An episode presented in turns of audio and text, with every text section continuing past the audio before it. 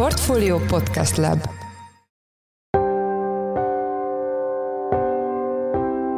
Mindenkit üdvözlünk, sziasztok! Ez a Checklist a Portfolio podcastje április 18-án kedden. Az adás első részében azzal foglalkozunk, hogy milyen kihívásokkal szembesül a fővárosi agglomeráció, az oda részben Budapestről, részben vidékről költöző tömegek miatt. Az a fajta közszolgáltatás szervezési probléma, ami általában jellemző az agglomerációs településekre, az, hogy nagyon szétterjednek, ez az urban sprawl néven ismert jelenség, amikor a kertvárosok vannak és nyúlnak a végtelenségig, bármilyen különösebb struktúra vagy tagolás vagy sűrűsödés városközpontok kialakulása nélkül. Ez önmagában hordozza elláthatatlanság, vagy legalábbis a nagyon problémás elláthatóság veszélyét. Vendégünk Baranyai Zsolt, a Hétfa Kutatóintézet városfejlesztési igazgatója. A második részben a forint lesz a téma, amely a hét elején újabb csúcsot döntött, az euróval szemben pedig a 370-es szintet támadja. Erről Beke Károlyal, a portfólió makroelemzőjével beszélgetünk. Én Szász Péter vagyok, a Portfólió Podcast Lab szerkesztője, ez pedig a checklist április 18-án. Nem új keletű probléma, hogy a budapesti agglomerációs települések infrastruktúrája nehezen bírja a fővárosból kiköltöző tömegeket. Az elmúlt évtizedekben több hullámban növekedett a népesség, a legutóbb a koronavírus járvány miatt nőtt meg a kiköltözési kedv. Itt van velünk a telefonban Baranyai Zsolt, a Hétva Kutatóintézet városfejlesztési igazgatója. Jó napot kívánok! Jó napot kívánok! Az első kérdésem, hogy az elmúlt időszakban, az elmúlt néhány évtizedben milyen hatások miatt kezdtek el a fővárosiak kiköltözni az agglomerációba? Hát ez valóban több hullámból tevődik össze, aminek az volt a kiinduló pontja, hogy a lakhelyválasztás az nem volt teljesen szabad, hiszen a tervgazdaságban a költözések, illetve maguk a építési helyek kijelölései is központosítva zajlottak, még ha voltak ennek szabad értékei is, de egy nagyon jelentős átrendeződést jelentett ehhez a helyzethez képest az, amikor a 90-es évek elején megtörtént a széles körül lakás privatizáció elsősorban a budapesti lakásokra, azon belül is főleg a társasházakra vonatkozóan, amikor megindult egy olyan kiegyenlítődési folyamat, amiben olyan emberek, akiknek a kulturális kapcsolati anyagi tőkéje egyébként lehetővé tette volna, hogy kiköltözzenek, egy agglomerációs lakásból ők ezt már meg is tehették jóval szabadabban, és azért megtették.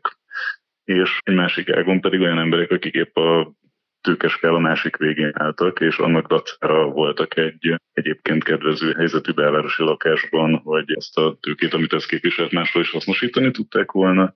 Ők korábban a befagyott lakásrendszerben ugyan nem tudtak ebből kiszabadulni, de úgy, hogy ez egy eladható áruvá vált privatizációval, úgy egy más irányú agglomerálódásba csatlakoztak be, és mondjuk a dél-keleti elővárosokba távolabbi településekbe költöztek ki, és így tettek szert arra a szóra, amit a frissen tulajdonukba került lakáson megvalósíthattak. Ez volt egy viszonylag nagy hullám, amit viszont számos különböző hatás ide-oda kanyarító betűi után gazdasági válság 2008-9-10-es évek körül állított meg, és fordította valamilyen szinten vissza, és ezt követően, ahogyan is mondta, a Covid volt egy olyan új hullám, ami láthatóan megint elindította ezt a fajta költözést.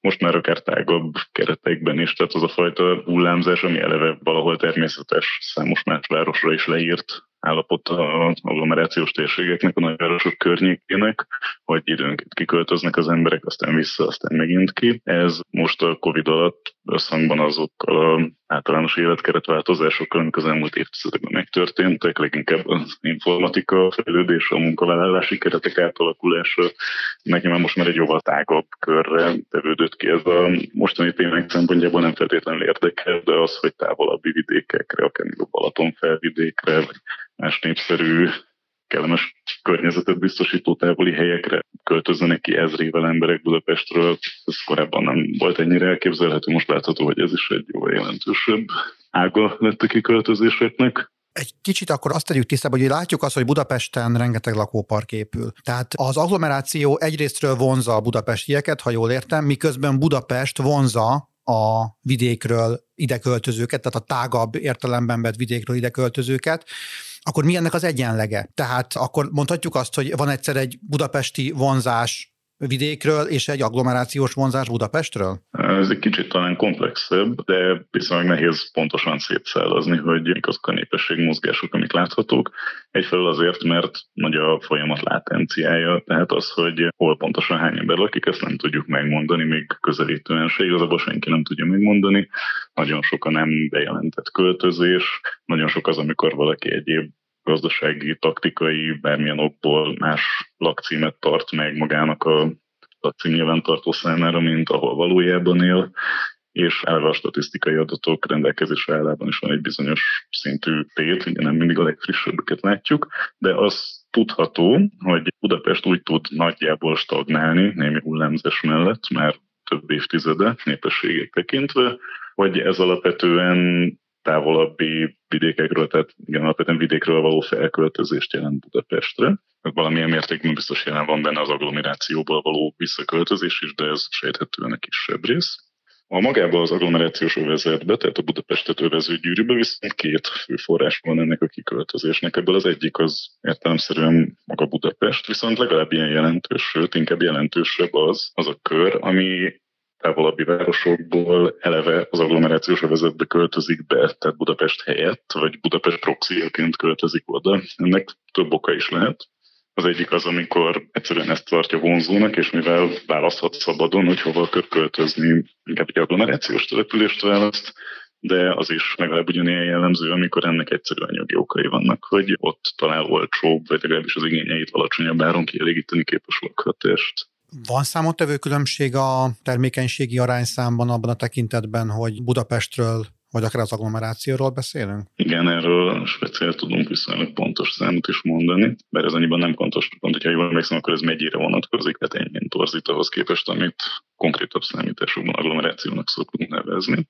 De a budapesti teljes termékenységi arányszám az kiemelkedően alacsony, az alig van egy fölött, az agglomerációban viszont bőven másfél fölött van 1,67 század, ha minden igaz, amit számoltunk, legalábbis ez az, amit közelítő értéknek használtunk, ami valamivel az országos fölött van.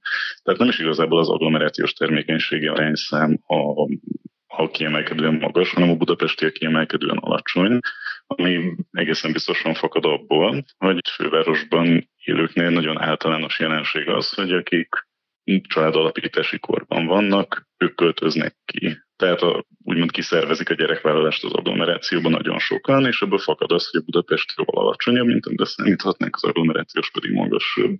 Persze ez ilyen szempontból anekdotikus jelenség, hogy nem, azt nem látjuk makroadatokból, hogy konkrétan gyerekvállaló családok költöznek ki, mások meg nem adott esetben, hanem egyszerűen látjuk a számokat, illetve ismerjük, hogy ez egy elterjedt jelenség. Térjünk át egy kicsit a problémákra. Mikor adatálható az, amikor először felsejlett az, hogy ez a, ez a tömeges kiköltözés, ez problémát jelent majd az agglomerációs kisebb településeken? Hát szerintem ez egy olyan folyamat, aminek nagyon nehéz megfogni a pontos kezdő pillanatát. Ezt vagyunk ért parcellázása abban a formában, hogy egy viszonylag kis falu helyett egy óriási kertes házas településé váljon, az több mint száz éve elindult, és nyilván ez akkor még nem volt annyira látható, hogy milyen problémákhoz vezet, de az a fajta közszolgáltatás szervezési probléma, ami általában jellemző az agglomerációs településekre, az, hogy nagyon szétterjednek, ez az urban sprawl néven ismert jelenség, amikor kertvárosok vannak és nyúlnak a végtelenségig, bármilyen különösebb struktúra vagy tagolás vagy sűrűsödés városközpontok kialakulása nélkül. Ez önmagában hordozza elláthatatlanság, vagy legalábbis a nagyon problémás elláthatóság veszélyét, hiszen ugye ez nagyon alacsony laksűrűséget jelent, emiatt minden közművet, közlekedési lehetőségeket, mi egyebet azt alacsony hatékonysággal lehet csak építeni, pontosan az alacsony sűrűség miatt. Ilyen szempontból ez a probléma évszázados, de az a válfaj, amikor azt látjuk, hogy nem elég a víznyomás, nem férnek már az autók az úton, tehát amit most szűk értelemben ellátási problémának veszünk, ezek valamilyen formában én azt mondanám, hogy szintén azóta, hogy ez az újabb hullám 90-es években elindult, azóta, azóta velünk van, csak mindig egyre látványosabb és egyre, egyre kritikusabb formát ölt azzal, hogy a kiköltözés újabb hullámai egyre jobban kifeszítik a rendelkezésre álló kapacitásokat. Mik lehetnének a hát kézenfekvő megoldások ennek a kezelésére, mondjuk azon túl, hogy persze fejleszteni kell az infrastruktúrát, kell építeni iskolákat, rendelőket? Ez egy azért nehéz kérdés, mert azok a problémák, amik itt elsősorban kezelendők, azok már eldőltek azok évtizedekkel ezelőtt, vagy akár még régebben megtörténtek. Tehát különféle extrém és nem reális beavatkozásokon kívül, mint amilyenek a bontások, újrarendezések, mi egyebek lennének, amiket valószínűleg senki nem is tartana jónak, hiszen végtelenül sok negatív következményük is lenne. Igazából nem tudunk velük mit kezdeni, tehát az a tény, hogy óriási területek ki vannak jelölve beépítésre számos agglomerációs településen van, ahol évtizedekkel ezelőtt kijelöltek beépítésre szánt területeket, és amikor most jön egy fejlesztő, hogy akkor az be is építi, akkor nem csak eszköztára van az önkormányzatnak, hogy ezzel nem bármit tudjon tenni. Ezzel nehéz mit kezdeni azt, hogy valamilyen fajta fenntartható üteme legyen ezeknek a beépüléseknek, amik összhangba tudják hozni a beépítési ütemet azzal, hogy az infrastruktúra fejlődni fog, ebben már, ebben már természetesen van fantázia, és ebben van, van viszonylag sok lehetőség. Az egyik ebben az lenne, hogyha lehetne valamelyest terelni, vagy formálni a keresletet. Tehát az, hogy sokan igazából kényszerből költöznek az agglomerációba, mert csak ott találnak megfizethető lakhatást, ez nyilván összhangban van azzal, hogy milyen az ingatlanpiac magán Budapesten. Hogyha olyan kínálat lenne, olyan barnamezős fejlesztések lennének adott esetben, amiben jelentősebb önkormányzati állami szerepvállalás mellett lehetne hatni az ingatlanárakbeli különbségekre, és akkor eleve kisebb lenne ez a fajta kiköltözési nyomás ami kvázi kényszerben történik. Egy drasztikus, drasztikus tilalmat akkor nem tudna elképzelni.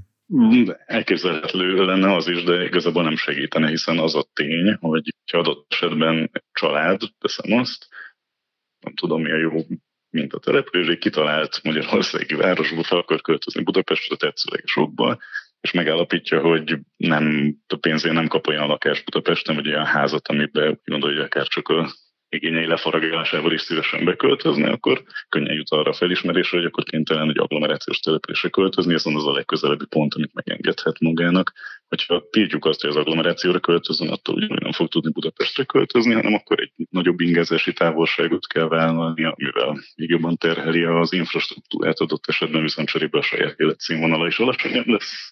Ez alig ha működik, illetve van egy olyan probléma, hogy nagyon sok kis kapu van a építések és a építési szabályozások rendszerében. Ugye a zárt kertek esete az tipikusan ilyen, amikor ingatlan nyilvántartás szerint nem lakófunkció épületekbe költöznek ki úgy emberek, hogy a szabályozási tervek nem számolnak azzal, hogy ott jelentősebb lakónépesség legyen jelen, hiszen nem lakófunkciójú területről van szó, ezért nem vonatkozik rá semmilyen külön tilalom sem, viszont kapcsolódó szabályok szerint lakcím az bárhova, bárhol bejelenthető, bármilyen építménybe be lehet jelentkezni, ami vagy egy adott személy, vagy legalábbis hozzájárul ahhoz, ezért ennek nincs semmilyen jogi akadálya. Tehát amíg ilyen kiskapuk, vagy könnyen kikerülhető szabályozási vakfoltok léteznek, addig itt tilalom ebben nem működne, illetve eleve nehéz elképzelni azt, hogy milyen, milyen tilalom lenne az, ami azt mondja, hogy településen nem lehet beköltözni. És akkor ön szerint egy jó budapesti bérlakásrendszer mondjuk ezen segítene? Hát nem is feltétlenül a bérlakásrendszer, általában az ingatlan kínálatnak a árnyaltabb, szélesebb, jobban irányított alakítása valamilyen mértékben én azt gondolom, hogy segítene. De az is segíthetne, hogyha a kínálatra tudna úgy hatni a szabályozás, hogy árban megjelenítsen valamiféle plusz terhet azoknak, akiknek egyébként lenne mozgástere a lakhelyük kiválasztásában, és pusztán az választják az agglomerációt, mert azt vonzóbbnak találják. Tehát lehet érvényesíteni azt is, hogy akkor annak legyen valamiféle prémiuma, hogy ezt ezt megfizesse az, aki úgy dönt, hogy oda költözik, akár a fejlesztők oldalán, akár a vásárlók oldalán, de viszonylag széles köre van olyan szabályozási eszközöknek, akár a minimum telekméret, a beépítési sűrűség, különféle szociálpolitikai kedvezmények terelése, csoktól, kedvezményes áfától számos olyan dologra, amivel lehetne valamilyen módon terelni azt, hogy mi az, ahol úgymond társadalmi érdek az, hogy ne nőjön a népesség, és mi az, ahol ilyen korlát, mi az, ahol ez nem jelent akkor a gondot. Nagyon szépen köszönöm az elmúlt percekben. Baranyai Zsolt, a Hétfakutató Intézet elemzője volt a vendégünk. Köszönjük szépen, hogy a rendelkezésünkre állt. Én köszönöm. A forint a hét elején idei csúcsára erősödött, és azóta is tartja ezt a szintet. Ha az idei évet nézzük, akkor az euróhoz képest már 7 kal a dollárhoz képest pedig 10 kal tudott erősödni a forint. Itt van velünk a stúdióban Beke Károly, lapunk makroelemzője. Szia! Sziasztok! Az első kérdésem, hogy továbbra is a 18%-os kamata az, ami választad a forint erősödésére? Igen, ez az elsődleges oka továbbra is a forint erősödésének, hogy extrém magas a magyar deviza kamat tartalma, és ez az úgynevezett carry trade ügyleteket egyrészt élénkíti, tehát lehet azt mondani, hogy akik erre a kamat különbözetre spekulálnak, azok most a forintot veszik a magas kamat miatt, másrészt pedig a magas kamat azt is jelenti, hogy nagyon drága a forint ellen fogadni, a forintot sortolni, és éppen ezért nagyon kevesen vállalkoznak most erre, hogy a forint elleni pozíciókat vegyenek fel. Persze emellett azért nem szabad elfelejteni azt sem, hogy az energiaárak nagyon komoly zuhanáson mentek keresztül az elmúlt nagyjából fél évben, ami jelentősen javított javította a magyar folyófizetési mérleg és külkereskedelmi mérleg egyenlegét, illetve azért kifejezetten kedvező a nemzetközi hangulat a forint szempontjából, tehát azzal, hogy a dollár gyengül, szintén egy lélektani szintnél jár az egy tízes szintnél az euróval szemben, ez szintén támogatja a feltörekvő piaci devizák, így a forint erősödését is. Tehát lehet úgy fogalmazni, hogy azért az év eddigi részében minden kedvezően alakult a forint számára kisebb megingásokkal. Ugye itt az amerikai bankcsődöket követően volt egy kisebb piaci megingás, amit a forint is rögtön megérzett, és ez egyébként rá is világított arra, hogy azért a 18%-os kamatszint mellett is kifejezetten sérülékeny a magyar deviza, és az esetleges külső hangulat ingadozásokra azért továbbra is érzékenyen reagál. Itt a csak sokat beszéltünk már az uniós forrásokkal kapcsolatos bizonytalanságokról. A befektetők beáraszták már ezt, vagy végig mire, mire számítanak a, a közeljövőben? Most úgy tűnik, mintha a piac picit elfeledkezett volna ezekről a kockázatokról, tehát mintha ez a magas kamatszint, ez most mindent felülírna, és egy picit háttérbe szorultak azok a forint szempontjából negatív tényezők, amik az esetleges fordulatot elhozhatnák, vagy lehetne attól tartani, hogy megakasztják a, a forint erősödését, és ilyen az uniós források sorsa is. Tehát most úgy tűnik, hogy ezért a befektetők nagy része továbbra is bízik abban, hogy lesz valamilyen megállapodása a kormány és az Európai Bizottság között, és az év második felében azért elindulnak az uniós források, de hát ahogy mondani szokták, innen lehet nagyot esni, és innen lehet egy éles fordulattal akár a forintnak is nagyot gyengülnie. Tehát ha mondjuk kiderülne az, hogy az az év végéig nem érkeznek uniós források, az azért egy egyértelműen negatív hír lenne a forint szempontjából. Írtál egy cikket a témában, aminek az a cím, hogy világbajnok lett a forint. Ez mit jelent? Tényleg akkor erősödött? Igen, hát jelenleg most már kijelenthető, hogy az idei évben a forint a világon a legjobb teljesítmény nyújtotta. Ugye az első negyed év végén még arról beszéltünk, hogy a mexikói és a csílei devizák utána dobogó harmadik fokán áll a forint, de most az elmúlt két hét további forint erősödése és dollár gyengülése az azt jelentette, hogy, hogy most már a, az év elejétől nézve a világon a forint teljesítménye mondható a legjobbnak, és azt lehet elmondani, hogy, hogy alapvetően inkább a nyersanyag devizák teljesítenek jól idén, tehát ez a mexikói, csilei, brazil devizák, és közöttük egyfajta kakuktojásként található meg a forint, melynek ugye extrém magas a kamata, ahogy arról az előbb beszéltünk. Egyébként a magyar irányadó kamatszint az most a világon a tíz legmagasabb között van.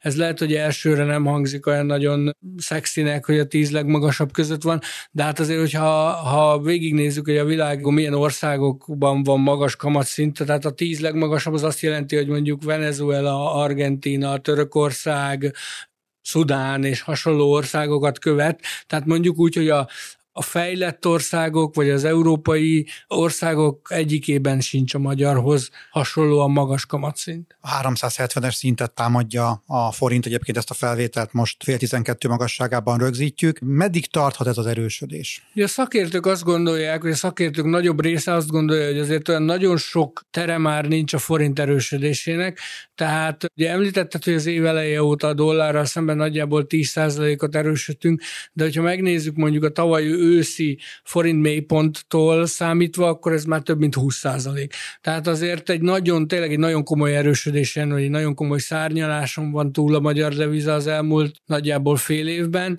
éppen ezért azt gondolják a szakértők, hogy azért innen olyan nagyon sokat már nem jöhet le az árfolyam. Valószínűleg azért a 350-es euró árfolyam az, az túl nagy falat lenne most első lépésben a forintnak, tehát elképzelhető, hogy 370 alá bemegyünk, 360-370 közötti szintek még, még jöhetnek a közeljövőben, a következő hetekben, de azért olyan, mondjuk, hogy az elmúlt hónapokhoz hasonló szárnyalást én azt gondolom, hogy nem fogunk látni már a forintban a következő időszakban. Tehát nem mondhatjuk azt, hogy ennek a forint erősödési hullámnak még csak a közepénél vagyunk, hanem azért már inkább a, a hullámnak a vége felé valahol. Mindannak a tükrében, amit most mondtál, igaz lehet az az állítás, hogy megéri most pénzt váltani a nyárra? Hát ez mindig egy érdekes kérdés. Én azt gondolom, hogy inkább úgy fogalmaznék, hogy érdemes lehet elkezdeni váltani. Tehát én most pont azért, mert nagyon nagy kilengések vannak a forint árfolyamában, nem egy összegbe váltanám át mondjuk a nyaralásra szánt pénzt, hanem mondjuk a jelenlegi szinten elkezdenék eurót vásárolni kisebb tételekben, és, és aztán megnézni, hogy, hogy merre mozdul az árfolyam. Tehát azért mondom, hogy elképzelhető az, hogy még lesz olcsóbb az euró a következő hetekben. Azért nyárig olyan nagyon nagy fordulatot én nem várnék a forinttól, tehát valószínűleg a, a nyári hónapokig még kitarthat a forint erősödése. Ugye várhatóan a kamat azért nem fog csökkenni, vagy legalábbis most az a várakozás, hogy nem nagyon fog csökkenni az irányadó kamat a következő egy-két hónapban. Azért az uniós források sorsával kapcsolatban, ahogy most látjuk, azért türelmesnek tűnik a piac, tehát nem látszik az, hogy itt heteken belül valamilyen megállapodásnak kéne jönnie ahhoz, hogy ez kielégítse a befektetőket. Tehát ez a csendes, fokozatos forint erősödés, ez még kitarthat néhány hónapig, és ezért akár mondhatjuk úgy is, hogy akár kivárni is érdemes lehet az euróváltással, még akkor is, hogyha azért nagyon jelentős forint erősödést, ahogy mondtam, már nem várok. Értem, nagyon szépen köszönöm. Az elmúlt percekben Beke Károly, lapunk makroelemzője volt a vendégünk. Köszönjük, hogy a rendelkezésünkre álltál. Köszönöm szépen.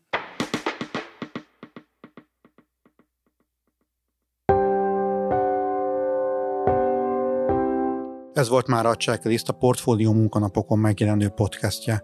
Ha tetszett a műsor, és nem tetted volna, iratkozz fel a Portfólió Checklist podcast csatornára valamelyik nagyobb platformon, például Spotify-on, Apple vagy Google Podcast-en. Ha segítenél nekünk abban, hogy minél több hallgatóhoz eljussunk, értékelj minket azon a platformon, ahol ezt az adást meghallgattad. A mai műsor elkészítésében részt vett Bánhidi Bálint, a szerkesztő pedig én voltam Száz Péter. Új műsorral szerda délután 5 óra magasságában jelentkezünk, addig is minden jót, sziasztok! thank you